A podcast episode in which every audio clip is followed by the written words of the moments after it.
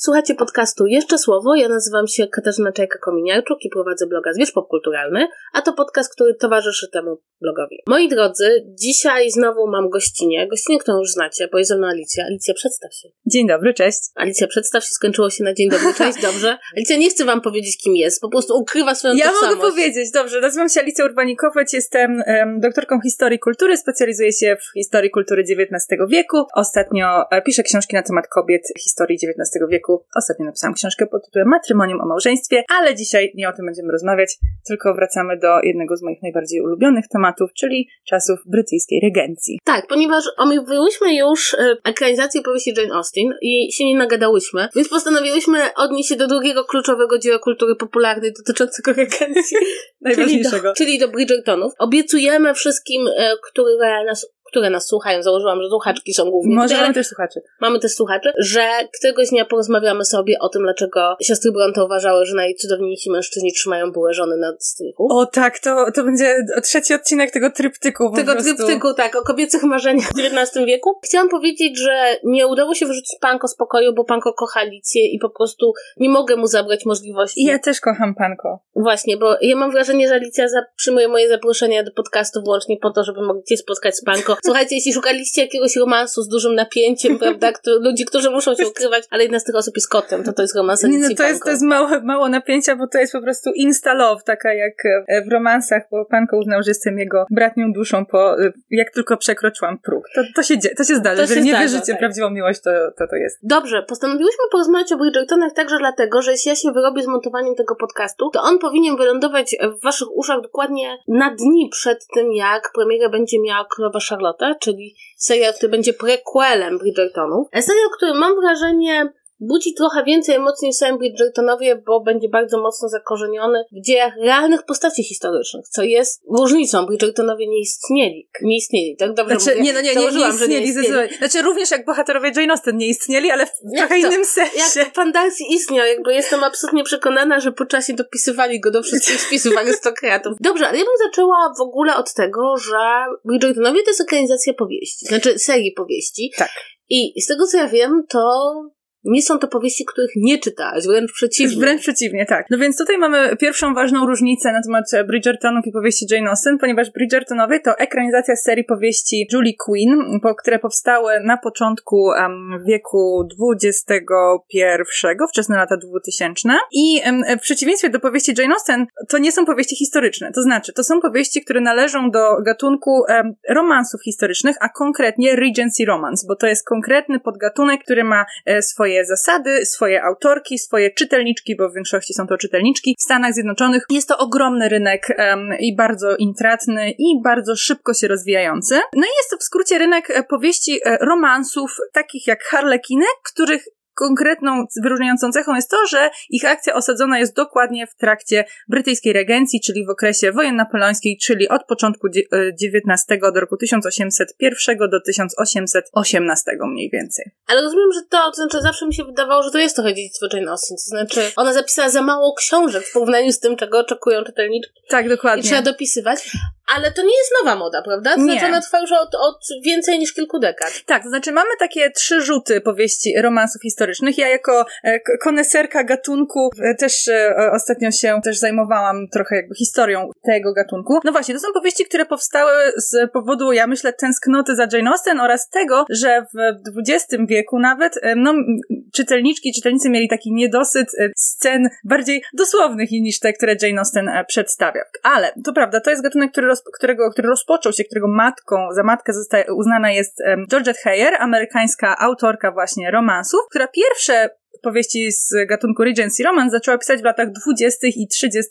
XX wieku. To są powieści z okresu międzywojennego i e, ja czytałam wiele z tych powieści, bardzo je polecam. One oczywiście nie mają tak zwanych momentów, choć mają więcej scen e, pocałunków na przykład niż te, niż e, no, powieści Jane Austen. Te nie mają żadnych Nie mają scen. żadnych scen poza tam nie ma nic, nikt nikogo nie dotyka oni, za nic. Tak, w każdym razie, no to w powieściach Georgette Heyer już ludzie się łapią za rękę czasami. O mój Boże, Aha, gdzie ale, mój ale ja bardzo polecam te powieści, bo one są e, fantastyczne i to są powieści takie jak e, filmy z gatunku screwball comedy e, z właśnie lat 30. XX wieku. To są um, takie filmy, w których mamy bardzo charakterystyczne, szybkie, dowcipne dialogi, gdzie ludzie się, bohaterowie, kobieta i mężczyzna przerzucają się takimi różnymi, właśnie ciętymi ripostami i żartami. Tam jest duży element rywalizacji między bohaterką i bohaterem, taki battle of sexes, tak? To się wówczas nazywało, ten trop. I, no i właśnie w powieściach Georgette Heyer jest dokładnie tak samo, do tego stopnia, że jest taka bardzo klasyczna screwball comedy, która nazywa się Good Girl Friday. Której... Dziewczyna Piętaszek. Tak, Dziewczyna Piętaszek i to jest e, e, taka, taki film, w którym jakby osią fabularną jest między innymi to, że, e, że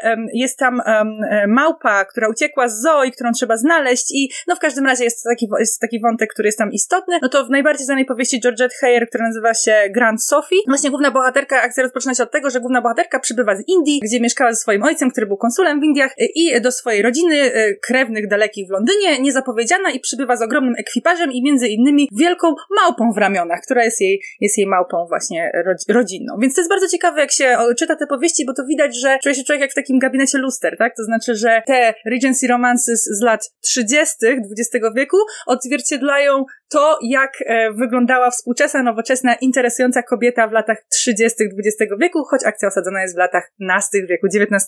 A potem mamy następne, um, następne dalsze losy. Mamy Body Strippers, czyli powieści e, o e, zrywaniu, zrywaniu gorsetu, być może chyba tak to można określić, które się wzięły z tego, że właśnie bardzo często na okładkach znajdowała się taka na pół rozebrana pani, której piersi wylewały się z gorsetu i Fabio bez koszuli. Tutaj Kathleen Woodywis, to jest taka autorka, autorka Shanny. W ogóle nie wiem, czy ty e, zwróciłaś na to uwagę, ale ja na to zwróciłam uwagę, bo w Big Short bohater grany przez Christiana Bale'a ma ten, on czyta Shannę E, tak, też, tak. też na to zwróciłam uwagę. To nie jest, to jest oczywisty tytuł. To w ogóle nie jest oczywisty tytuł, bo to jest taka właśnie pełna e, piratów, zrywania, zrywania e, gorsetów i tak dalej. No po prostu romans taki przygodowy. A potem mamy następną generację, do której należy właśnie Julia Quinn, Lisa Kleypas, Mary Ballot. To są takie powieści właśnie. No, Jane Austen z momentami. Tak. I wydaje mi się zresztą, że e, tak jak patrzę na odbiór trochę Bridgertonów, to rzeczywiście udało się połączyć dwie rzeczy, których teraz bardzo bardzo się pragnie, tak? Mm-hmm. Z jednej strony to budowanie napięcia jak u Jane Austen, prawda? Bohaterowie nie mogą być razem, bohaterowie jakby chcą być razem, no spotykają się w tym pierwszym, w ogóle w tym pierwszym sezonie tam jest taka scena, gdzie się widzą bez przyzwoitki tak. i zostaje to w, po prostu stworzony z tego dramat, który się oczywiście musi skończyć związkiem, natomiast z drugiej strony mamy sceny seksu, które dla mnie przynajmniej bardzo mocno, zwłaszcza w tym pierwszym sezonie, mm-hmm. e, nawiązują do całego tego teraz budującego się gatunku nowego kina erotycznego, który jest kierowany do kobiet, a tak. nie do mężczyzn. I co ciekawe, i to mi się wydaje bardzo intrygujące, że drugi sezon nie ma już.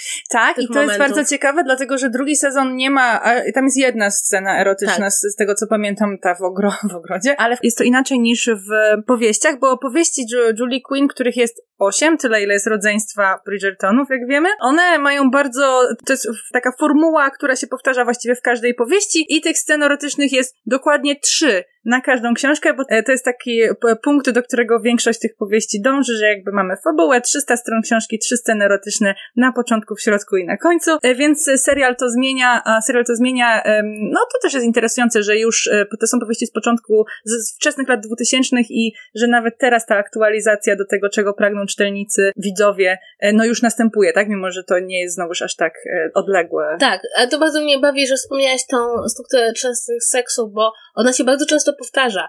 To jest pierwsza z namiętności, druga ze zrozumienia, trzecia z miłości. Tak, dokładnie to tak. Są, I zwróćcie uwagę, to jest klasyczna struktura scen w książkach, powieściach i narracjach romantycznych, czyli bohaterowie najpierw się na siebie rzucają i... Nie jest... powinniśmy tego robić, pod tytułem nie powinniśmy tego robić, tak. Drugie to jest, kiedy dochodzi między nimi do jakiejś sceny porozumienia, kiedy... Emocjonalnego, ktoś tak. komuś mm. rano opatruje. Albo ktoś komuś wyjawia wielki sekret, który go dręczył przez całą fabułę. Tak, potem następują perypetie, które rozdzielają naszych bohaterów i na sam koniec jest seks miłości, czyli ten, który pieczętuje już, że, że tam jest to uczucie. I wiemy, że już, i wiemy już, że to jest e, to, to uczucie, które łączy naszych bohaterów na zawsze. To są fantastyczne powieści, które bardzo, no to, to, jest, do, to jest rozrywka, niewątpliwie. Natomiast e, często, jeżeli to są słabsze powieści tego gatunku, przypominam taki stary, z brodą dowcip na temat tego, że dlaczego kobiety oglądają filmy porno do bo końca. Ślub, bo tak. czekają na ślub. No i właśnie to jest dokładnie to. To są filmy porno, na końcu których jest ślub. No ale to jest dokładnie 365 dni. To jest No tak. dokładnie to. To jest jakby pornografia z, ze ślubem na końcu. Natomiast wydaje mi się, że ci serialowi Bridgertonowie,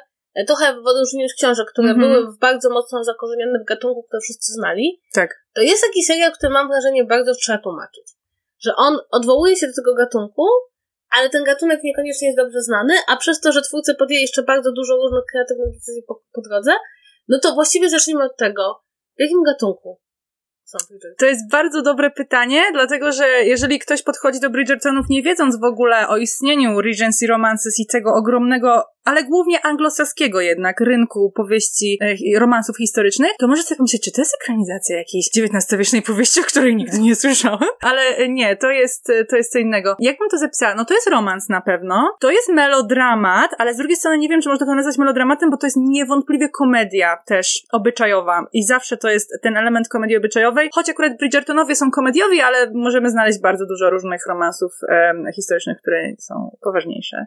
Mi się wydaje, Hmm. że tutaj e, rzeczą, o której tą, tą klasyfikacją, o której my zapominamy, która istnieje, ale po polsku ją strasznie trudno przetłumaczyć, ponieważ Anglicy mają to, to tak zwane period dramas. No Czyli właśnie. właśnie to są filmy, na polski byśmy to tłumaczyli jako filmy kostiumowe. Czyli to są te Mhm. historie, które rozgrywają się w przeszłości, ale wiadomo od razu, że to są historie fikcyjne. Wiadomo od razu. Tak, to że masz period jest- drama, tak, czyli dokładnie, czyli to nie jest ekranizacja, to nie jest adaptacja jakiejś XIX-wiecznej powieści, to jest e, historia, która jest współcześnie napisana, osadzona w realiach historycznych, tak? No i to mogą się wahać od powieści, od opowieści takich, które się bardzo starają trzymać jakiegoś, em, jakiegoś wydarzenia historycznego na przykład, albo historii o jakimś rodzaju, nie wiem, wynalazku, albo jakimś ruchu społecznym, czy coś w tym stylu, ale no, opowiadając histori- hi- historię fikcyjną, albo takie już zupełnie właśnie historie płynące e, sobie z nurtem rozrywki dalekiej. Przychodzi mi do głowy, chociaż to też jest trochę innego, ale ja myślę, że Bridgertonowie paradoksalnie są podobni, wiesz? Do Enoli Holmes.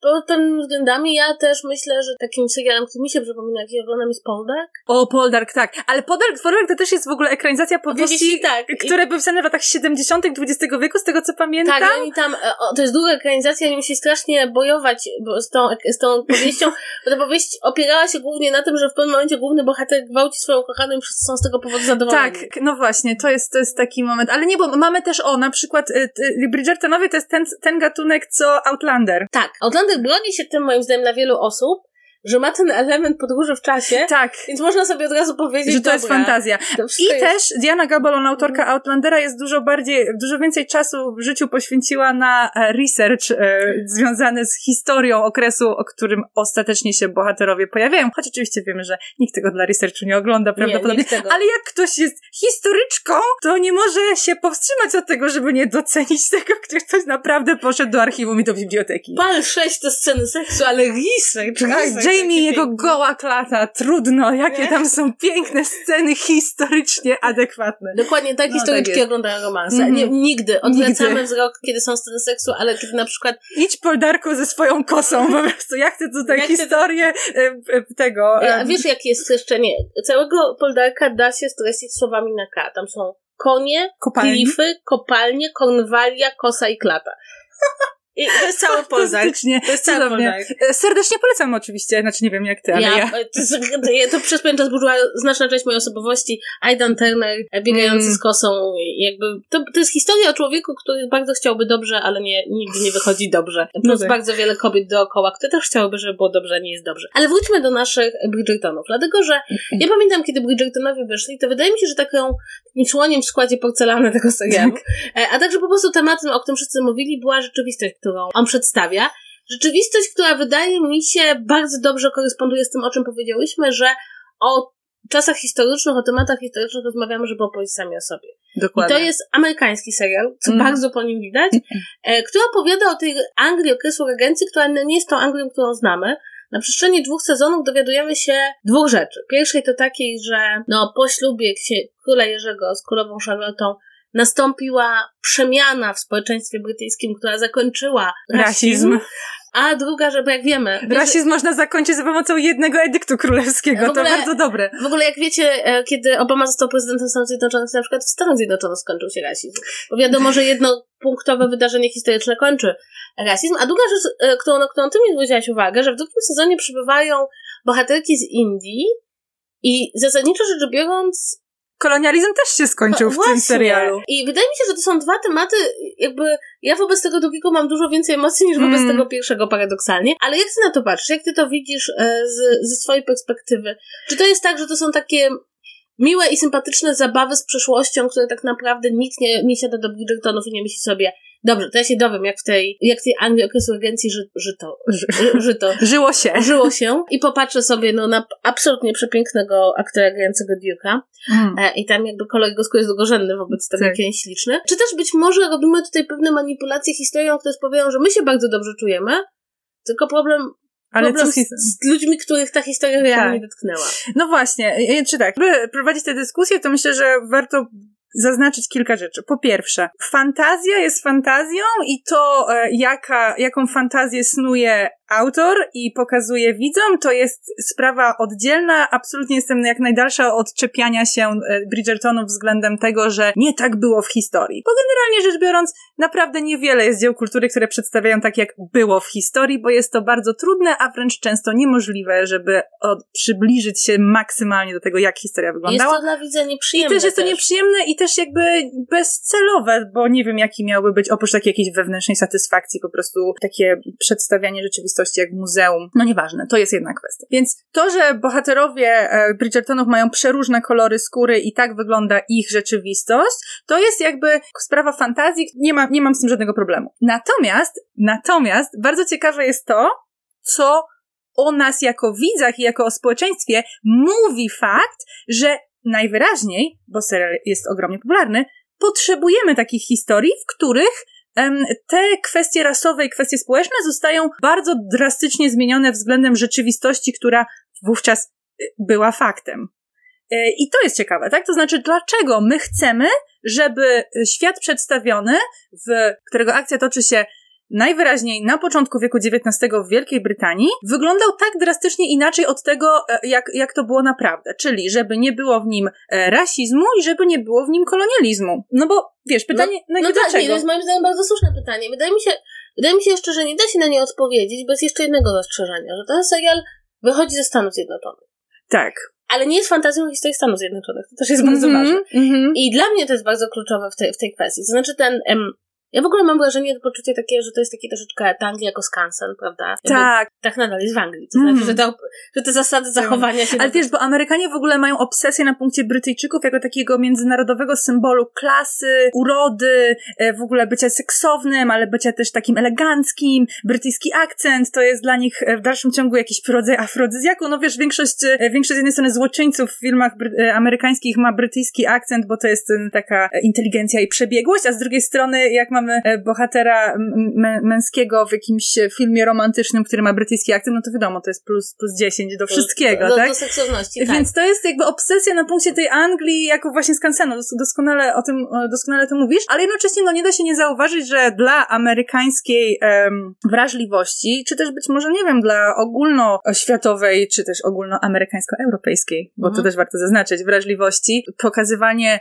tego, jak wyglądała rasistowska, klasistowska i imperialistyczna rzeczywistość początku wieku XIX, to za dużo, żeby dać się w tej fantazji zanurzyć. Tak, przy czym tutaj mam też e, takie poczucie, i to jest wydaje mi się bardzo ważne, że z jednej strony wyrównujemy ten świat, jakby czynimy go bardziej przyjaznym mm -hmm. dla naszych odbiorców, też jakby zakładam, że wynika to po części no z takiej potrzeby bardzo współczesnej odbiorców niebiałych, żeby się w końcu zobaczyć także w kostiumach historycznych, bo też tego chcą, bo są już wciągnięci w ten świat, w którym punktem odniesienia są chociażby powieści Jane Austen i też jakby ja się nie dziwię, każda kobieta chciałaby zobaczyć kobietę podobną do siebie w sukni regencji obejmowaną przez kogoś równie atrakcyjnego Z rozchełstaną tak. koszulą najlepiej. E, natomiast rzecz, która dla mnie jest ciekawa, to jest to, że to są te eksperymenty nie na swojej historii. I tak. o ile wydaje mi, i, i nie na swoim społeczeństwie, bo to też jest ciekawe. To znaczy, myśmy o tym mówiły, ale wydaje mi się, że to warto powtórzyć. Te całe, wszystkie historie rozgrywają się w świecie arystokracji i są tym marzeniem arystokracji i też ta równość, która tutaj zostaje zaprowadzona, tak naprawdę jest omawiana wyłącznie w zakresie warstw wyższych. My tak. nie wiemy, co tam się dzieje na polach Anglii Nie mamy pojęcia. Nie, to jest w ogóle niesamowite, dlatego że okej, okay, z jednej strony oczywiście mamy, um, mamy w świecie przedstawionym w Bridgertonach, co jest ważne, to jest y, zmiana względem książki. Książki są całkowicie białe, książki, książki Julie Quinn to jest Jane Austen ze scenami erotycznymi, po prostu, ze, ze, we wszystkich jakby możliwych aspektach tej opowieści, jakie nam się wydaje. Więc serial e, wprowadza problem rasy, chciałam powiedzieć, ale właśnie on nie wprowadza problem rasy, on wyprowadza problem rasy, można tak rasę powiedzieć. Wyprowadzić. Ra, rasę wyprowadzić, dokładnie. Kolonializm wyprowadzić. To znaczy, on mówi, że no właśnie e, nie ma, nie ma, mm, nie ma już niewolnictwa, nie ma już kolonializmu, Indie najwyraźniej nie są kolonią brytyjską. Bardzo, ale to jest w ogóle moim zdaniem... Nie wiem, rzecz, jak to powiedzieć? wszystkim przyleciała nad głową. To też świadczy moim zdaniem o tym, że dyskusję o tym serialu prowadzą Amerykanie. Tak, bo oni sobie nie, nie, nie, nie, nie, nie wiem, nie przyjęli do wiadomości tego, że Wielka Brytania wówczas zaczynała budować swoją potęgę kolonialną w taki sposób, który jakby, no, jakby wiemy, co się tam Wielka dzieje? Brytania powiedzi, ale też kwestia polega na tym, mieliśmy olbrzymie dyskusje o kolorze skóry bohaterów. Tak. A nigdzie po drodze nie pojawiła się dyskusja, że sugerowanie, że bohaterki przybywające z Indii... Tak, to jest obraźliwe, to jest, jest straszne. tak obraźliwe, chciałyby być częścią brytyjskiego społeczeństwa i to jest dla nich ta najlepsza możliwa droga. No przecież gdybym ja mieszkała w Indiach i próbowała od To bym dekad, rzuciła czymś w telewizor, tak, nie? Od dekad rozliczyć Anglików, żeby oni się w końcu przyznali do tego, ile znamion ludobójstwa miała działalność kolonialna Brytyjczyków w Indiach i nagle, i nagle przychodzą Amerykanie i mówią, ej, słuchajcie, bo myśmy tak pomyśleli i ogólnie, no, mm, kolonializmu nie było i wszyscy złapmy się za ręce. Niewolnictwa nie było i będziemy teraz razem. Ale wyobraź sobie, jak to wygląda. Okej, okay, bo może, może nasi słuchacze tego sobie nie wyobrażają, ale patrz. W pierwszym sezonie Duke of Hastings, czyli, e, czyli e, Simon, jest czarny i Simon jest Duke'iem, co oznacza, że ma ziemię, że ma folwarki, że ma swoich tenants, tak? Czyli chłopów, którzy pracują na jego ziemię, że ma rodową posiadłość i zamek ma ludzi, jest, znajduje się w tym systemie, postfeudalnym systemie XIX-wiecznym w całości. W drugim sezonie siostry Sharma przybywają z Indii i są wprowadzone do e, towarzystwa arystokracji XIX-wiecznej. Siostra Kate zostaje Diamond of the Season, tak? Czyli najbardziej pożądaną arystokratką, która chce się, e, która, która jest jakby znajduje się na rynku matrymonialnym. To jest coś tak, i my to łykamy. To jest coś takiego, jakby Amerykanie kręcąc na swoim e, poletku historię, e, nakręcili historię, której akcja toczy się na południu w latach 50. XIX wieku, przed wojną secesyjną, gdzie przedstawiają sytuację w taki sposób, że nie ma czarnych niewolników, tylko czarni są po prostu posiadaczami ziemskimi, którzy mają pola bawełny, które uprawia, no właśnie, kto? Ktoś inny. Nie zadawajmy trudnych pytań, ale też... To jest przeraźliwe, nie? To jest przeraźliwe. To jak znaczy, jak, jak zastanowimy się, jakie są implikacje, ale właśnie to, co powiedziałaś, to jest jednak mimo wszystko opowieść, która bardzo chce coś powiedzieć w kwestiach rasowych, pomijając w ogóle kwestie państwowe i narodowe, no jest kompletnie w kwestiach klasowych. Leży. Leży, idzie tropem na zasadzie arystokracja to takie fajne ludki. Tak, bo dla Amerykanów arystokracja jest sexy. Wiesz o co chodzi, że to jest seksowne, że jest duke, że jest hrabia, że jest earl, że jest viscount, viscount. Tutaj e, książę, że to, to jest dosłownie książę na białym, znaczy na czarnym w pewnym momencie, ale no Anthony jest dosłownie księciem na białym koniu, tak? Więc jakby arystokracja jest sexy, klasizm jest sexy, monarchia jest sexy. To, że dziewczęta, ja nie, nie jestem w stanie tego zrozumieć, jak możliwe jest y, to, że w tym serialu, który teoretycznie właśnie rozprawia się z tymi różnymi kwestiami rasowo, raso, rasowymi, etnicznymi. W, w dużym stopniu też płciowymi. Płciowymi, tak, bo tam, tam jakby... Emancypacja kobiet jest tam zdecydowanie dalej niż w historii. Doskonale. Emancypacja następuje w ten sposób, że jak wiemy doskonale, jak mamy monarchinię na tronie, to po prostu nie ma już, e, nie ma już e, seksizmu.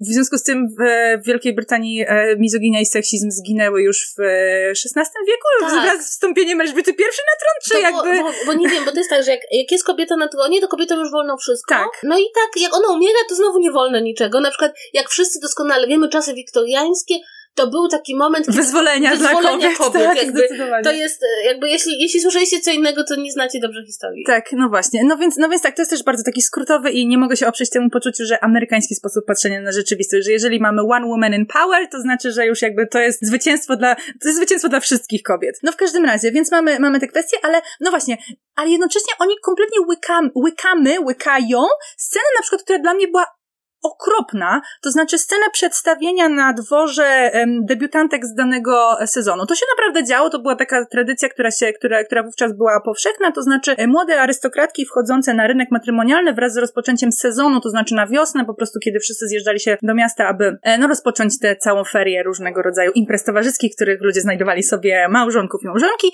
Młode dziewczęta, które pierwsze, to był dla nich pierwszy sezon, przychodziły pokłonić się królowej. W ceremonialnych, dziwnych sukniach, one tam w ogóle były niemodnie już ubrane, no y, różnego rodzaju tam był pe pełen ceremoniał zachowany. No i w serialu to jest absolutnie przedstawione i to jeszcze jest przedstawione jako bardzo zabawny gag. To znaczy mamy siostry Federington, które wchodzą y, właśnie do, na swoje przedstawienie, które polega na tym, że mają stanąć przed królową, która siedzi na tronie. Y, w serialu jest to przedstawione w takiej bardzo po pozie pełnej pogardy, bym powiedziała wręcz. Znudzenia, Znudzenia zniechęcenia, taki pogardliwy sposób to jest przedstawione i one mają się jej pokłonić, przy czym upadają na twarz. I w związku z tym królowa prycha po prostu z, zdegustowana i my już wiemy, że e, siostry e, Federington są, jakby to powiedział John Wick, excommunicado.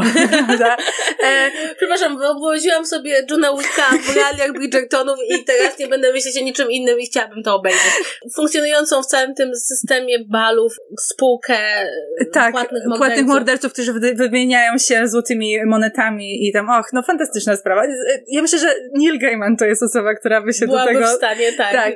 No w każdym razie, no więc te siostry Federington, no, królowa prycha z pogardą, a następnie wchodzi Daphne Bridgerton, nasza złota panienka, która jest najpiękniejsza w całym, w całym królestwie i królowa z uznaniem kiwa głową i w takiej znowuż takiej pobłażliwej, po prostu paskudnie, takiej klasistowskiej, okropnej scenie całuje ją w czoło i naznaczając ją jako ten diament sezonu, czyli no właśnie tą najbardziej pożądaną postać. I to jest okej, okay, tak? Bo monarchia jest sexy, bo dawne czasy są seksowne, to znaczy dawne czasy, czyli system klasowy, system feudalny, monarchia, wyzysk pracy większości bohaterów jest, jest, jest fantastyczny. Jest druga scena, która, która też jakby ja nie rozumiem, dlaczego ona w tym uspółcześnionej wersji pozosta została pozostawiona, czyli w której um, Daphne ze swoim bratem w nocy chcą się czegoś napić i schodzą do kuchni i orientujemy się, i oni się orientują, że oni nie są w stanie sobie podgrzać mleka, ponieważ nie potrafią, nigdy w życiu nie byli w tej kuchni. W ogóle, ponieważ kobiety i mężczyźni z ich klasy społecznej nie zajmują się takimi rzeczami jak robienie sobie jedzenia nigdy. I to jest przedstawione jako śmieszne, to jest zabawne, to jest po prostu taka, ach, te dawne czasy, ale to były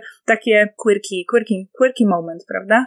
Chciałabym tylko powiedzieć, że w połowie przemowy Alicji czerwona flaga rozwinęła się w tle. Alicja cię tak. obejrzała, co świadczy Zawsze, że to się czasem zdarza. Dokładnie tak. Jak się nie pilnuje, to zaczyna grać międzynarodówka z Tak, tak, to jest, to jest yy. Ale się z tym absolutnie zgadzam, ale z drugiej strony rzecz, którą mnie na przykład bardzo uderzyła, tak, to znaczy, że te historie mówią ci od samego początku. Niby są takie historie, które są robione dla kobiet w XXI mm. wieku.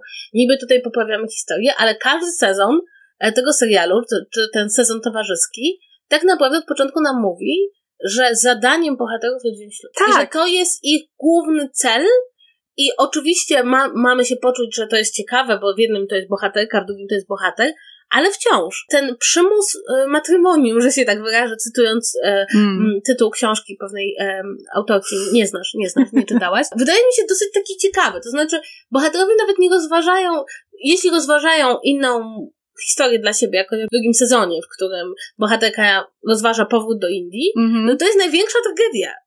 Tak. Ona tego ślubu nie weźmie. Co z nią będzie? No wiesz, to, bo to, jest, to są dwie kwestie. Pierwsza to jest taka, że romans to jest z gatunku, to jest z gruntu gatunek jednak konserwatywny i tradycyjny. To znaczy romanse jako struktura fabularna dążą do, do bardzo e, tradycyjnego, konserwatywnego w gruncie rzeczy rozwiązania sytuacji, czyli bohaterowie, którzy mogą się opierać na przeróżne sposoby, mogą się łudzić, że ich e, relacja będzie przebiegała w jakiś inny sposób, że to będzie jakiś, nie wiem, ta, potajemny romans, friends with benefits, jakiś rodzaj aranżowanego związku, który nie jest prawdziwy. No mamy mnóstwo różnych tropów, tak? Oni w końcu i my jako, jako czytelnicy czy e, jako widzowie wiemy, że to zmierza ewidentnie w jedną stronę, czyli nieważne jak się będziesz rzucać rybko w tej sieci, to trafisz w końcu przed ołtarz, bo to jest ten moment, który jest najważniejszy no we współczesnych romansach, niekoniecznie przed ołtarz, ale na pewno do monogamicznego, długotrwałego, szczęśliwego związku e, dwóch, e, dwóch osób, tak?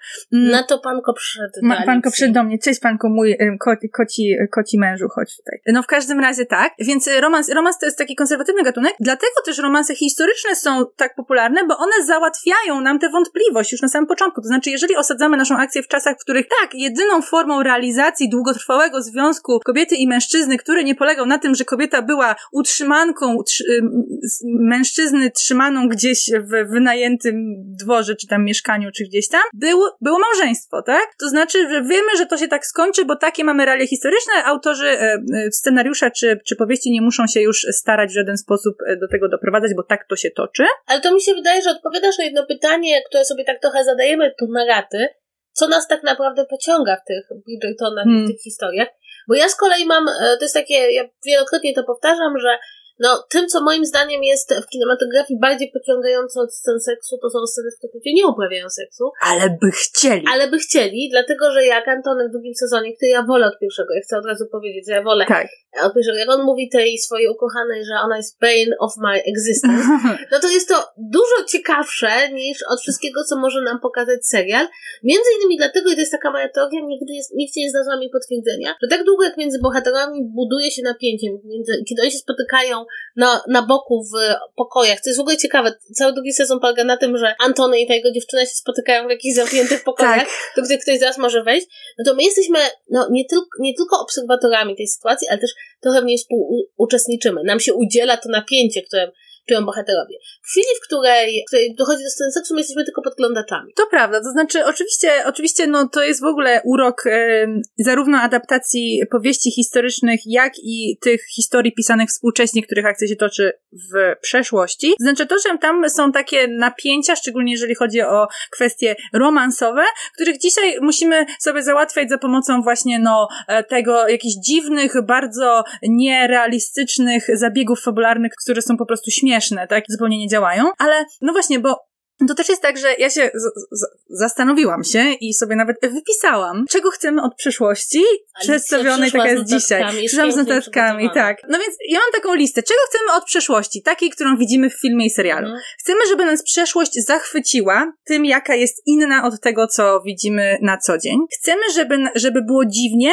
ale jednocześnie tak samo jak dzisiaj, czyli chcemy widzieć świat, który jest inny, ale my się rozpoznajemy w nim emocjonalnie, w relacjach, w ambicjach i w aspiracjach relacjach ludzi, których widzimy, co jest problematyczne, dlatego że jeżeli przedstawiamy rzeczywistość historyczną tak, jak było naprawdę, czy tak jak ku naszej najlepszej wiedzy jest naprawdę, dostałam właśnie bardzo poważnego całuska od Panko, no to jeżeli ją przedstawiamy tak, jak nam się, jak według naszej najlepszej wiedzy wiemy, że było naprawdę, to te aspiracje i ambicje ludzi będą inne niż nasze. Chcemy, żeby historia była ładna. I ładna w taki staroświecki sposób, który nam się wydaje estetyczny. I rzeczywiście Bridgertonowie no oni, y, świat tej regencji Bridgertonów jest przepiękny. Mm. To jest świat, już powiedzieliśmy, bez biedy. Bez biedy, e, bez dyskryminacji. E, tak, on się rozgrywa w pałacach, ogrodach i, i lasach otaczających posiadłości. To jest serial, w którym wszyscy są piękni. Mm -hmm. Znaczy tam ewidentnie w w świecie Bridgertonów, jak ktoś nie był piękny, to go po prostu gdzieś nie Wyprowadzali do lasu i do lasu, tak. niech żyje wśród Tam, e, no właśnie, kostiumy są tak zrobione, że one nie są zgodne z, wszystkie z realiami historycznymi, ale są ładne z naszego punktu widzenia. Tak. E, nie będziemy dużo mówić o tym, jak wyglądają fryzury i makijaż bohaterek, ponieważ e, tym, co najbardziej zdradza moim zdaniem, a historyczność Bridgertonów jest fakt, że wszystkie bohaterki chodzą w makijażu, który jest ewidentnie współczesny. Tak, i mają też cekinowe suknie. Nie, to w ogóle jakby to jest kwestia kostiumów, jest co innego, ale ja doskonale to rozumiem, dlatego że ja nie jestem aż taką, znaczy ja doceniam realizm, realizm historyczny w kostiumach, ale ja rozumiem, że to jest jakby koncepcja estetyczna, która może się różnić i ja jestem w stanie podążyć za wizją, że tak powiem, bohatera. Zresztą ja bym tutaj jeszcze zwróciła mm -hmm. uwagę, że pod względem kostiumowo-wizualnym Bridgertonowie stanowią raczej, punktem odniesienia Bridgertonów nie jest rzeczywistość, tylko inne ekranizacje Jane Austen. Tak. I no, drugi sezon, ja wracam do drugiego sezonu, bo ja go bardzo lubię. Mm, e, Antony ląduje, Antony ląduje w jeziorze. Oczywiście, no bo jaka no, jak może być? nie wylądować i musi zdjąć, jakby musi wyjść z tego jeziora w mokrej koszuli wpisując tym samym do jakiegoś takiego wizualnego reprezentacji agencji mężczyzn w mokrych koszulach, co by się nigdy nie zdarzyło, tak? Gdyby się bali, że umrą na przeziębienie. Oczywiście, ponieważ, e, ale w ogóle nie, nie ma co daleko szukać. Jedna z sióstr Bronte właśnie umarła z tego powodu, że poszła na pogrzeb drugiej swojej siostry, boso w lejący deszcz, tak? I jakby to jest, dostała zapalenia płuc i umarła. Także to, to ale się... to brzmi dokładnie jak śmieć siostry Bronte. To, tak, ale boso na pogrzeb. Musimy o tym porozmawiać, bo naprawdę Będziemy o tym rozmawiać, tak. W każdym razie, nie, ale jeżeli chodzi o kostiumy, ja nie mogę nie wspomnieć o jednej rzeczy, bo to się bardzo łączy z tym, co sobie jeszcze wpisałam, czyli o tym, czego chcemy od przeszłości, żeby nas nie obrażała i żeby odzwierciedlała nasze współczesne wartości, nawet wbrew realiom, co czasem łączy się z takimi dość, jakby to powiedzieć, zabawnymi e, decyzjami, czyli na przykład, bo przy okazji produkcji Bridgertonów, e, ITV, BBC i Netflix, nie wiem czy pamiętasz, zapowiedziały w pewnym momencie, że one zakaz, zakażą odgórnie, czy zniosą obowiązek noszenia, noszenia gorsetów, gorsetów tak. przez bohaterki. To jest, to... Ja może zrobimy tak. Jest w internecie Karolina Żebrowska. Obejrzyjcie jej Ona ma filmik o tym, dlaczego wizja gorsetu jako najgorszej rzeczy, którą może nosić kobieta i tego, że gorset zawsze jest krępujący i niewygodny, jest wielkim bullshit, mówiąc po angielsku, tak. a do tego wszystkiego nasze narracje o gorsetach są głównie od aktorek, którym kazano nosić gorsety na planie i jak Karolina słusznie mówi, jeśli aktorka mdleje w gorsecie, to znaczy, że ma źle dobrany gorset, albo za, mocno zawiązany, albo nie jest przyzwyczajona i że gorset nie jest, nie jest tym, co się wydaje i zakaz noszenia gorsetów na planach wydaje się głębokim niezrozumieniem przeszłości. Dokładnie tak, ale jednocześnie ta informacja przy okazji kręcenia drugiego sezonu Bridgertonów była właśnie wykorzystywana jako element tego PR-owego przedstawienia tego serialu, jako właśnie ten moment, kiedy nareszcie rozprawiliśmy się z historią. Wszystko w niej poprawiliśmy. Już jest wszystko tak, jak... Ale ta pierwsza scena Królowej Charlotte w ogóle, którą pokazano, tak. gdzie ona siedzi i mówi, że ma suknię, w której się nie może ruszyć, ponieważ ma gorset zrobiony z fishbinów. Z fishbinów. I że ona się nie może w nim ruszyć. Ja mam takie, ale w fishbinach można się ruszać. Można się ruszać. Właśnie o to chodziło, że w fishbinach można Fishbiny się były zdecydowanie takim bardzo dużym um, progresem, bardzo dużym postępem, jeżeli chodzi o stroje i e, ponieważ one były elastyczne w przeciwieństwie do wcześniejszych używanych tam materiałów. No, jakby to jest kwestia historii mody, która i te informacje sprawiają tylko, że właśnie to jakby pokazuje doskonale, że my oglądamy, że my oglądamy produkt historyczny, w tym sensie, że coś, co publiczność współczesna chce zrozumieć i chce rozpoznać, ale nie coś, co zostało w jakikolwiek sposób stworzone przy zrozumieniu ówczesnych realiów. Tak, bo to jest troszeczkę tak, że mm, i mi się wydaje, że Bridgertonowie bardzo na to stawiają, do czego mam jeszcze przykład w ogóle, mm-hmm. że oni bardzo chcą, żeby współczesna kobieta, dziewczyna, która to ogląda, pomyślała o sobie w tej sytuacji. Tak. I cały czas myślała przez pryzmat siebie, czyli jej byłoby niewygodnie w gorsecie, ona by się dziwnie czuła w tej sytuacji. A dlaczego to między innymi robią Bridgertonowie? Ponieważ e, nie wiem, czy słyszałeś, że istnieje show Bridgertonów, który je, polega na tym, że przychodzi się w strojach regencji na takie spotkanie, które odzwierciedla właśnie taki bal właśnie w stylu Aha. regencji, gdzie jest e, królowa Charlotte, która wybiera Diamond of the Season. Diamond of the Season. I okay. to jest, e, dla mnie to jest absolutnie cudowna rzecz. Disneyland to znaczy, taki. To jest taki Disneyland historii, ale jednocześnie to są te, to są te dziewczyny, które oglądają tą wersję historii, tą, która jest równa E, rasową, tą, która ma tylko tą klasę najwyższą. Która nie jest seksistowska i mizoginiczna, a jedyny, mizo, jedyna, jedyny seksizm i mizoginia, one są w służbie fabuły, to znaczy to jest to, że nie, dziewczyna musi być dziewicą do ślubu, więc jeżeli chce, chce po prostu dzikie seksy ze swoim partnerem, to musi się ukrywać, tak? Czyli jakby to jest jedyny rodzaj takiego właśnie... Jedyny ten moment startu. Tak. I w tym momencie te dziewczyny przychodzą, zostają wybrane tym diamentem sezonu i mogą w końcu zrobić to, co, o czym zawsze marzyły, czyli mogą wejść w ten świat przeszłości, ale tą przeszłość trzeba najpierw wysterylizować ze wszystkiego, na swoich zasadach, co by nie pozwalało się w niej dobrze czuć. I dla mnie to jest fascynujące. To jest niesamowite, bo to nie jest to samo, co, bo ja zawsze myślę teraz sobie o, wiesz, o rekonstrukcjach historycznych, to znaczy są ludzie, którzy mają towarzystwa rekonstrukcyjne różnego rodzaju, od, wiadomo, od wikingów przez e, Stanie powstanie warszawskie. warszawskie, przez e, drugą wojnę światową, są również e, bale Jane Austen, są bale regencyjne, których bohaterowie, których ludzie, którzy się w tym środowisku znajdują, oni sobie na ogół szyją stroje, które mają właśnie odzwierciedlać te, ku naszej, jak, jak, jakby nasza najlepsza wiedza, jak wyglądały wczesne stroje, tańczą te, te, te tańce i tak dalej, no jakby to są po prostu rekonstrukcyjne, towarzystwa rekonstrukcyjne różnego rodzaju, ale to jest co innego, dlatego że znowu, to jest tak jak same romanse historyczne, czyli one nie są rekonstrukcją historii, tylko one są rekonstrukcją rekonstrukcji historii, tak jakby odbijamy się po raz kolejny właśnie w tym e, w zwierciadle,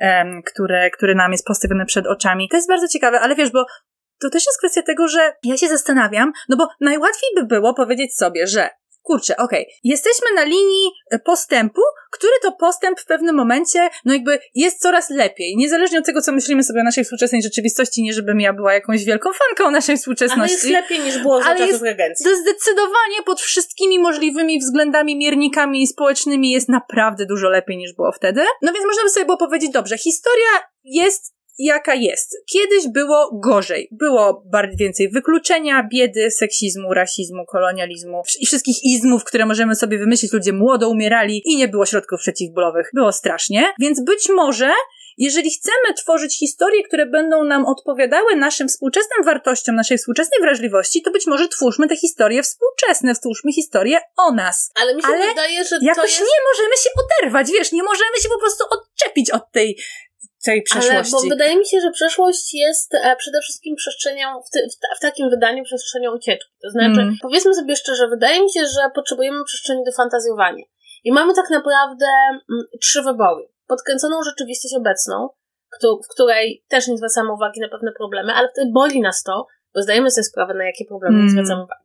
E, Przyczyn fantastyczną i magiczną, do której zresztą bardzo uciekamy w ostatnich latach, tak. ale która kompletnie została zagospodarowana przez wątki obyczajowe, przynajmniej w e, świecie kinematografii, jakby zostawiono ją przygodzie zostawiono ją ratowaniu świata. Choć są PNR, czyli Paranormal Romances. Są, jest, to, jest, to, jest to kategoria. My ją znamy powiedzmy z Twilightu, tak? Ale to jest... Pamiętników wampirów, nie, ogólnie tego jest bardzo... Tego jest mnóstwo. Tak, ale i e, część trzecia, czyli możemy uciec w historię, e, która oferuje nam, no tak naprawdę, dekoracje, które nie różnią się bardzo od fantazy, no bo to są już właśnie te poprawione dla nas dekoracje, no ale tam jest bezpiecznie, możemy o wielu rzeczach nie myśleć. No i możemy także poświęcić się czemuś, co chyba zawsze jest elementem ludzkiej natury, czyli słuchaj, e, Alicja, do ciebie zadam ci to pytanie. Kiedy ostatnim razem byłaś na balu?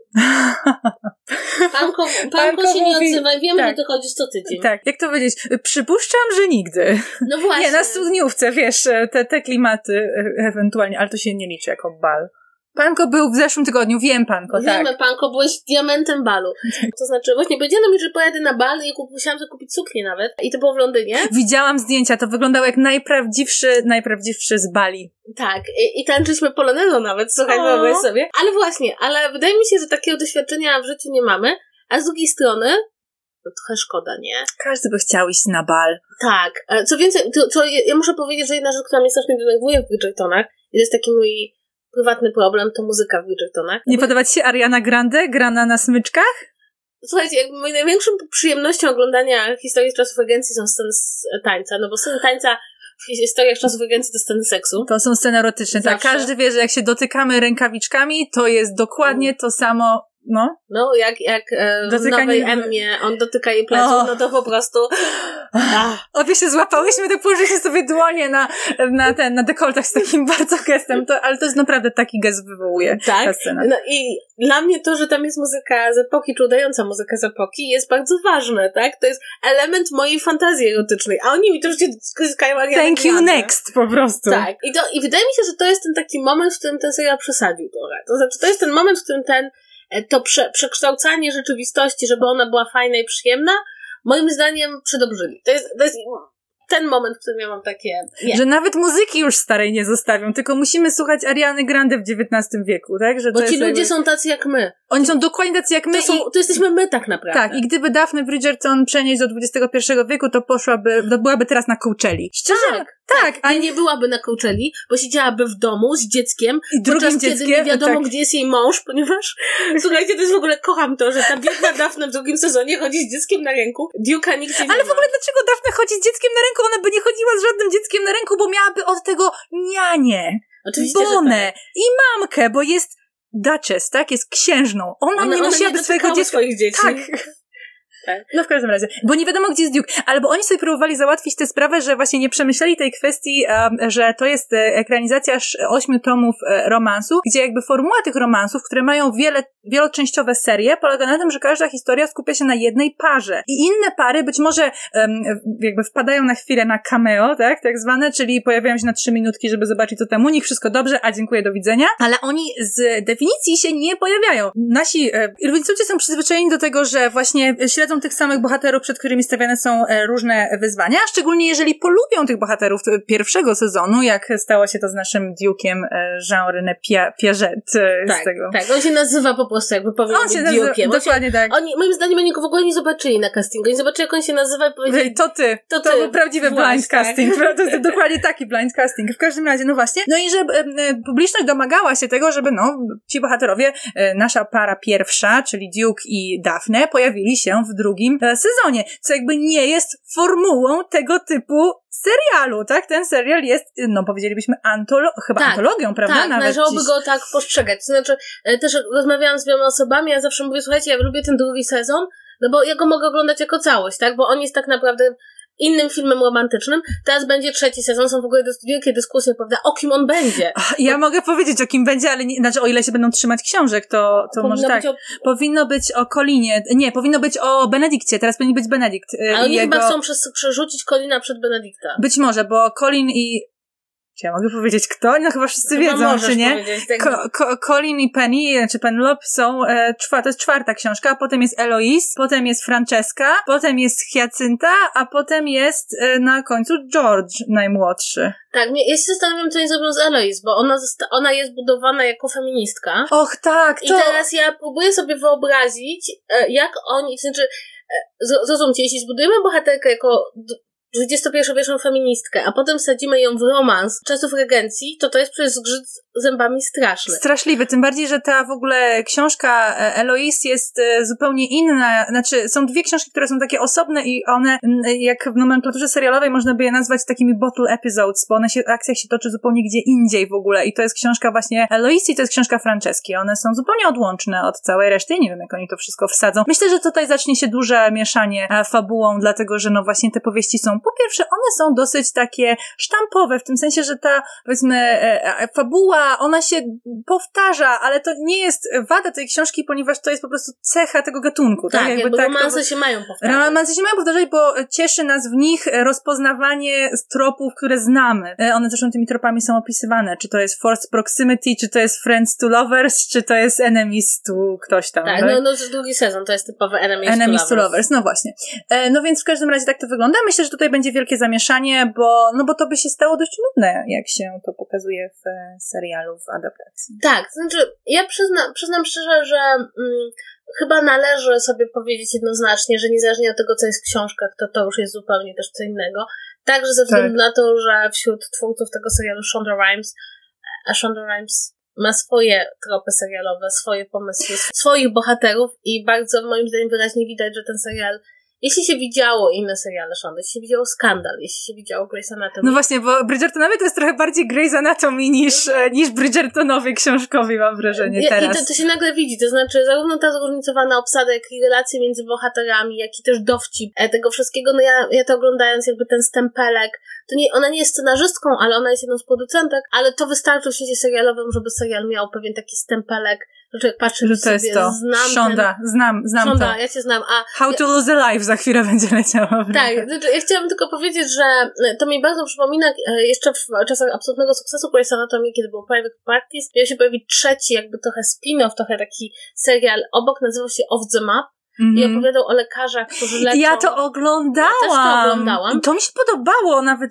Ale problem polegał na tym, że to się działo gdzieś w Ameryce Południowej. Tak, no bo oni byli na lekarza, to byli Doctors Without Borders, z tak, tego co ale pamiętam. autorka scenariusza nie wymyśliła nawet kraju, nawet nie wybrała kraju. To było gdzieś. I mam wrażenie, że to jest taki dobry moim zdaniem e, znaczek, nie? Gdzieś w Ameryce Południowej, gdzieś w historii, gdzieś w przeszłości. Nie... Gdzieś w Anglii. Gdzieś w Anglii. Akcja toczy gdzieś w Anglii. No właśnie, bo to jest też Londyn, ale to się, właśnie, akcja toczy się w Nibylandii, no, w Austenlandii.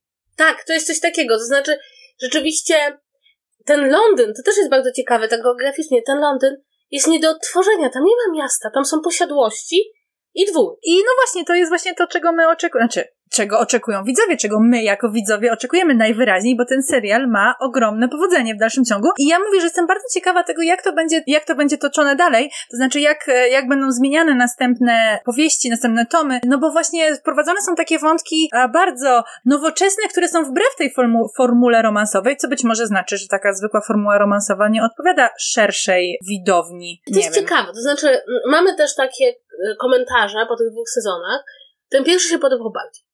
Znaczy Ci się podoba bardziej? Bo ja widziałam różnego rodzaju filmiki na YouTubie, których tłumaczono, dlaczego drugi jest lepszy. Bo drugi jest lepszy. No bo właśnie jest. Aha, że podobał się bardziej pierwszy, ale drugi jest lepszy. Jasne. Że pierwszy jest dość wierną ekranizacją książki, nawet z pozostawioną tą sceną niekonsensualnego seksu. Znaczy, to, oj, to jest taka rzecz, która się mogła wydarzyć tylko w powieści z wczesnych lat 2000. Tak, zdecydowanie. To jest ten, to jest ten e, gwałt małżeński, który jest elementem narracji e, romantycznej, Tak. bardzo mocno zakorzenionym, znajdziemy go chociażby w Przeminął z wiatrem, który jednak zwykle polegał na tym, że to mąż narzucał się żonie i ona, i ona y, stawiała opór do momentów, do których okazywało się, że to był najlepszy seks jej życia. No właśnie, bo jak seks jest dobry, to znaczy, że musi być konsensualny, nie? Tak, natomiast tutaj to odwrócono i tutaj to jest w ogóle scena, która jest tak strasznie cringe'owa, bo ona go gwałci dlatego, że a nie zdaje sobie sprawy z tego do końca, jak seks, jak, jak, Jak seks działa i ale wygląda. też nie wie skąd się biorą dzieci, bo to też jest taki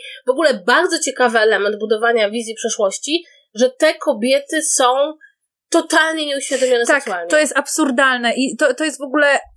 Ja ostatnio, jakiś czas temu, udzielałam wywiadu, który można znaleźć na gazeta.pl na temat tego, w jaki sposób wy, wy, wyglądała op, um, e, higiena okołomenstruacyjna w XIX wieku, no ale przy okazji zahaczałyśmy też o właśnie kwestię tak zwanego, to się nazywało w Polsce, przynajmniej znaczy na ziemiach polskich, uświadamianie, tak? To znaczy, jak powiedzieć swojej córce, co ją czeka po ślubie. No i oczywiście byli ludzie, którzy wówczas mówili i pisali, bo to też była dyskusja prasowa na temat, mówiąc, że absolutnie to ją mąż powinien uświadamiać, tak? Jak już, jak już ta, za, za ten mąż wyjdzie. E, Zaznaczmy, że mąż zdecydowanie w tym momencie zwykle ma już jakieś doświadczenia seksualne, Tak. bo o to dbano, żeby żeby chłopcy Chłopcy mieli. Mhm. Ale jednocześnie bardzo dużo głosów pojawiało się, które mówiły i, i, i- to już pod koniec XIX wieku, no czyli wiele lat po Bridgertonach, ale jednak pojawiały się e, poradniki dla młodych dziewczyn, które bardzo oględnym językiem powiedzmy, ale opisywały jak e, przebiega, jak przebiega cykl miesięczny, jak przebiega zapłodnienie, jak przebiega ciąża, jakby takie rzeczy pojawiały się w druku, a jeżeli one się pojawiały w druku, to w mowie, w rodzinie, w kręgach towarzyskich,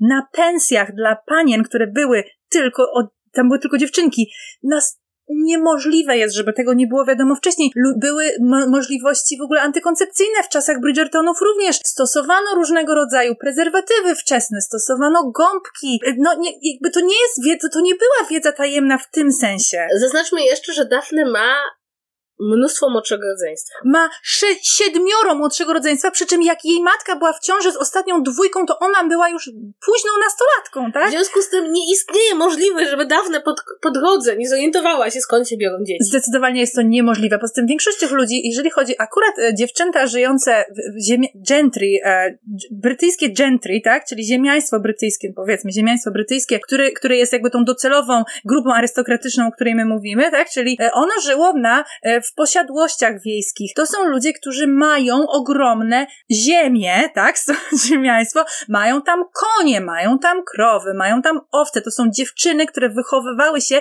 w pewnym sensie na farmie, tak? W tym A jak się wychowujesz na farmie, to wiesz, skąd się biorą młode. Jakby zdecydowanie. Nie sposób, nie sposób tego elementu pominąć. Tak. Więc, ale wydaje mi się, że to jest ponownie coś, co jest bardzo ciekawe. To znaczy, że ta seksualność z przeszłości nam się zawsze wydaje bardzo taka uwięziona w normach, zawsze bardzo właśnie nieświadome dziewczęta. No bo, to, bo to jest I to- seksowne, wiesz co a chodzi. z drugiej strony takie, daje nam też poczucie przewagi nad tymi bohaterami. że my wiemy czegoś, My czego oni nie wiemy. wiedzą, tak. A oni wiedzieli.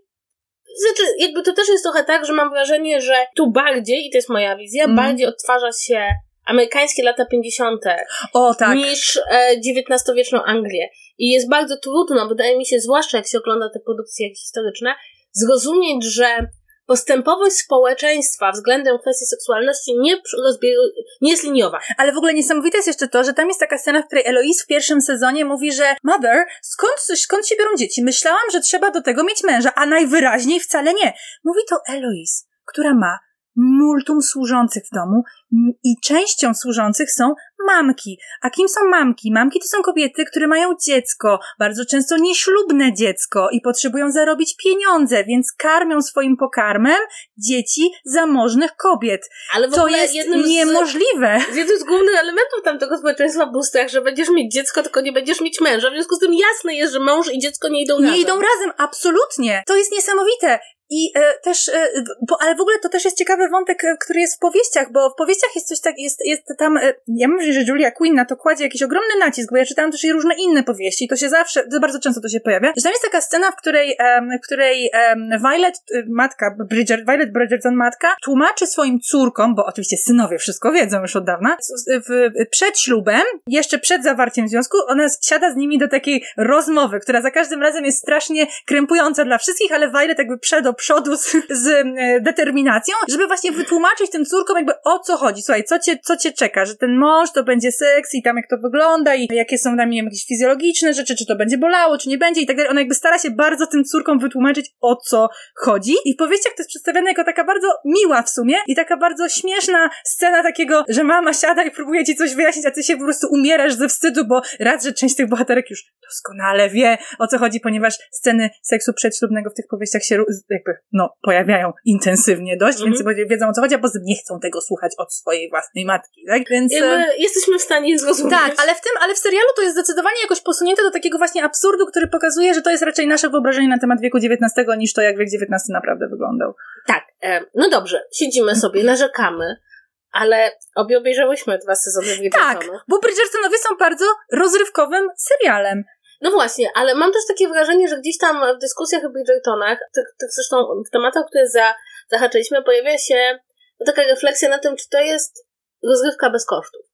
Gdzieś, czy ile my płacimy za to, żeby się doskonale bawić na Bridgertonach. Ja myślę, że my jakby doskonale się bawimy bez żadnych kosztów, tak. ponieważ nie wpływa to ani na naszą wizję przyszłości i właśnie to, co mówisz, tak? Oglądamy i to y, myśląc sobie, dobra, oglądamy lustro, tak? Mhm. Natomiast, no to jest to pytanie, do którego się wraca i wraca ciągle. Te zabawy z historią z jednej strony są zabawami, ale z drugiej strony bywają niebezpieczne.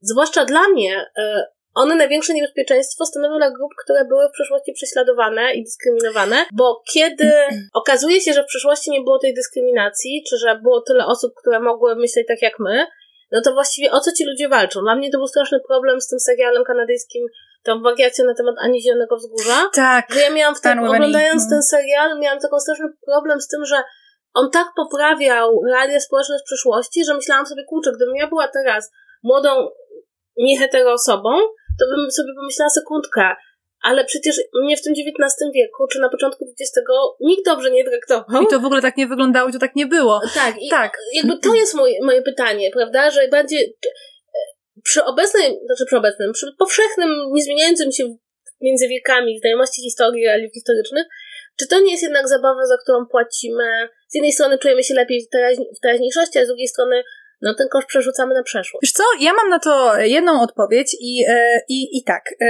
To jest znowu pytanie, czego chcemy od przeszłości?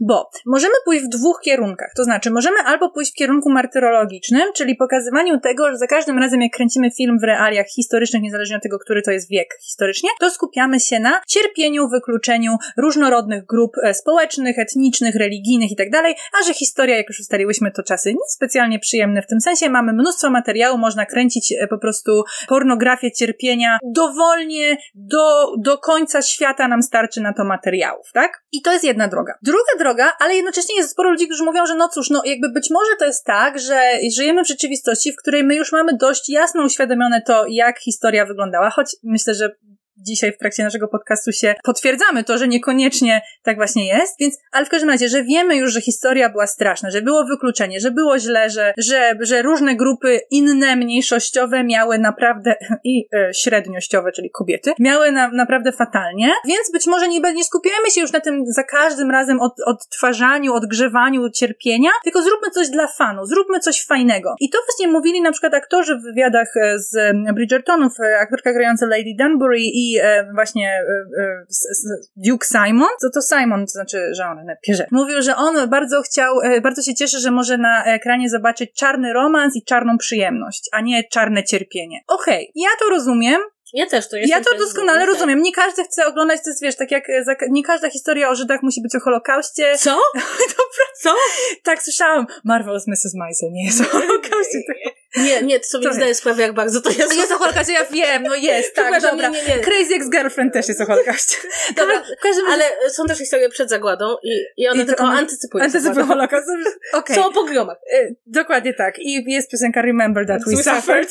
ale być może możemy się postarać, żeby nie każda historia o jakiejś grupie mniejszościowej, niezależnie od jej rodzaju mniejszości, była o cierpieniu tej grupy. A z trzeciej strony, a z trzeciej strony, ja uważam, że to należy robić z pewnym lepszym zrozumieniem realiów niż to robią Bridgertonowie. Można fantazjować. Ja pozwalam. Pozwalamy fantazjować. Pozwalamy. Podcast, jeszcze słowo w tym, w tym odcinku pozwala wam fantazjować. Pozwala fantazjować na dowolny temat. Ale jeżeli się to przedstawia szerszej publiczności, to wydaje mi się, że należy się zastanowić nad tym, jaki będzie odbiór tych grup, których cierpienie u mnie, czy nawet nie to życie, dyskryminację różnego rodzaju umniejszamy. No bo jak ja bym pochodziła z Indii, zobaczyłabym, że Kate Sharma przyjeżdża do Wielkiej Brytanii i postanawia zostać brytyjską księżniczką, ponieważ e, to właśnie, to właśnie chciały robić dziewczęta hinduskie e, podczas kolonizacji brytyjskiej, to uznałabym, że być może jest to dość obraźliwe, że jest to obraźliwe, a nie, a nie, że jest to e, fantazja. Więc tak, to jest poprawianie historii, które, jeżeli się to robi w sposób nieprzemyślany, jest takim hura optymistyczną bajeczką, bajeczką, którą opowiada sobie grupa uprzywilejowana dla grupy uprzywilejowanej, tak? Wydaje mi się, że tutaj jest jeszcze bardzo ważne, że to są bajeczki amerykańskie. Tak. My jesteśmy jakby w polu rażenia ze względu na znaczenie kultury amerykańskiej. Natomiast gdzieś tam po drodze e, Amerykanie w ogóle jakby mają poczucie, że cała przyszłość jest ich. I, I mogą... cała przeszłość i największym problemem świata jest rasizm, tak? Co tak. nie zawsze i nie wszędzie jest prawdą.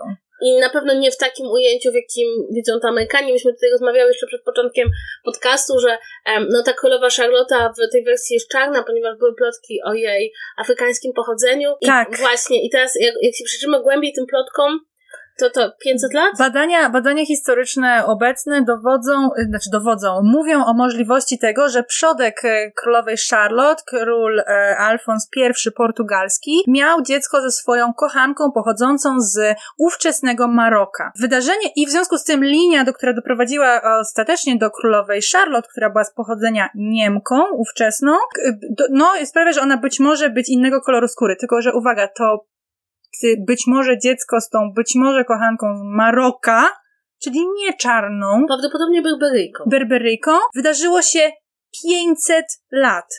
500 lat przed tym, jak urodziła się dziewczynka, która zostanie królową Charlotte.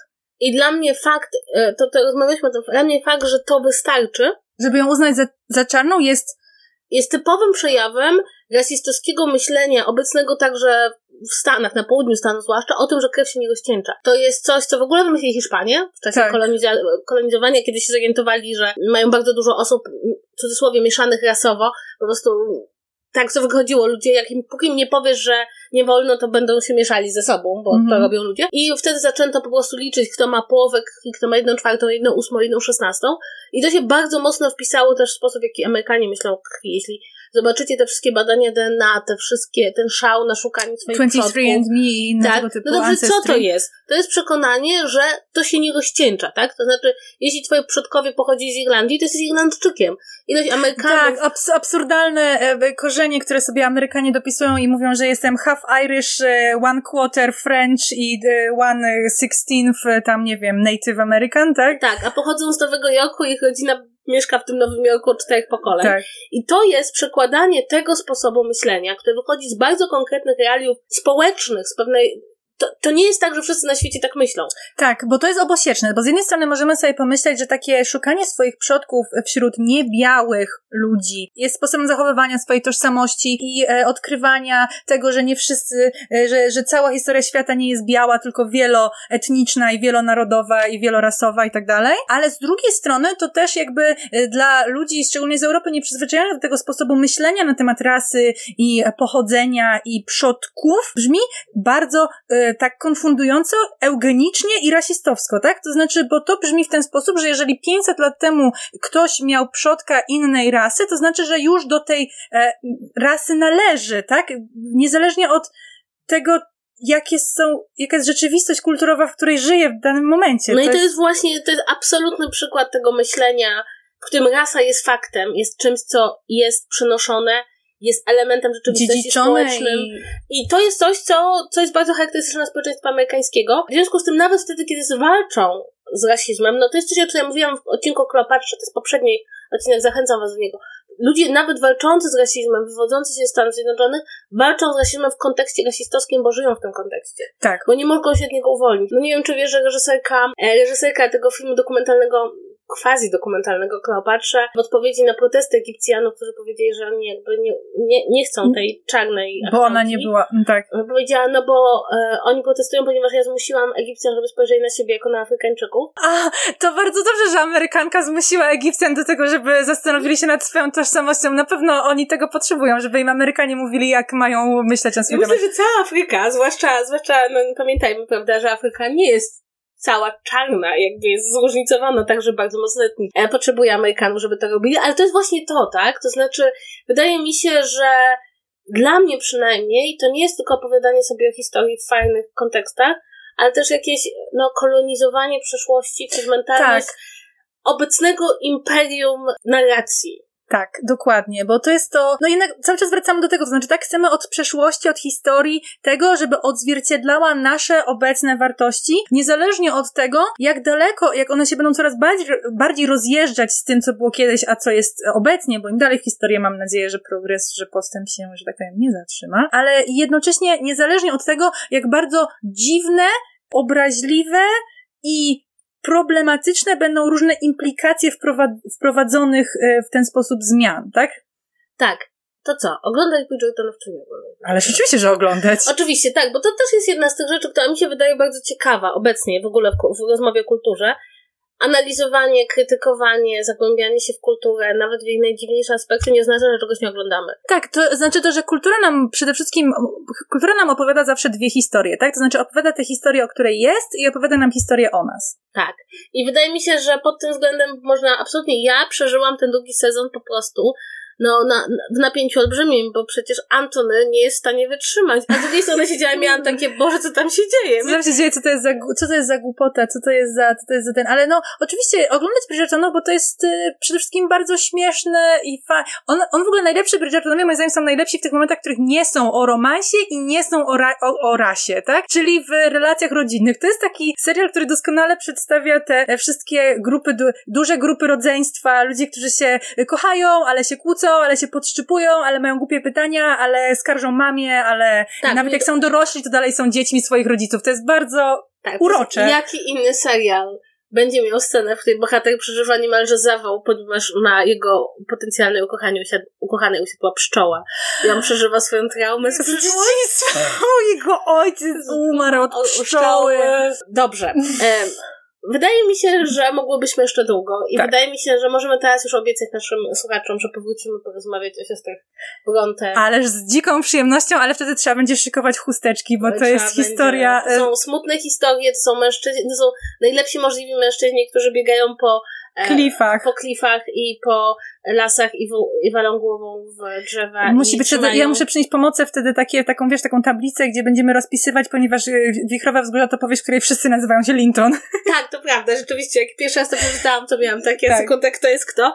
Ja jednak, e, ja moją, moją ulubioną powieścią chyba jednak e, jest Są dziwne losy Jane Eyre. Jane Eyre, tak, to jest moja miłość ogromna. Jakby, to jest książka, która nam wszystkim wmówiła, że jeśli facet trzyma szaloną żonę na strychu, strychu to, to, to nie jest aż tak wielki problem.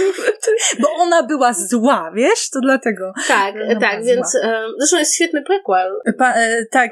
Jest, Czarne Morze Sargasowe. Czarne tak. Tak, świetny prequel. W ogóle, jak rzadko, jak rzadko zdarza się prequel książki, to jest naprawdę dobry. Dobrze. Oddzielny temat, oddzielny o nim oddzielnie. E, bardzo Ci dziękuję. Um, Panko też Ci bardzo dziękuję, bo mógł Ci pokazać po prostu, jak bardzo Cię kocham. Tak, ja jestem nurzem się w miłości Panko, jak Kate w miłości Antoniego po prostu. O, po prostu. A, A Królowa Charlotte zaraz wejdzie. Podejrzewam, że będziemy miały bardzo długą dyskusję na Instagramie. Tak. E, czy polecamy? E, nie wiem. Czy obejrzymy? O tak. Oczywiście. Dobrze. Do usłyszenia w następnym odcinku i dziękuję Ci bardzo i do, do usłyszenia w następnym odcinku. Dziękuję do usłyszenia.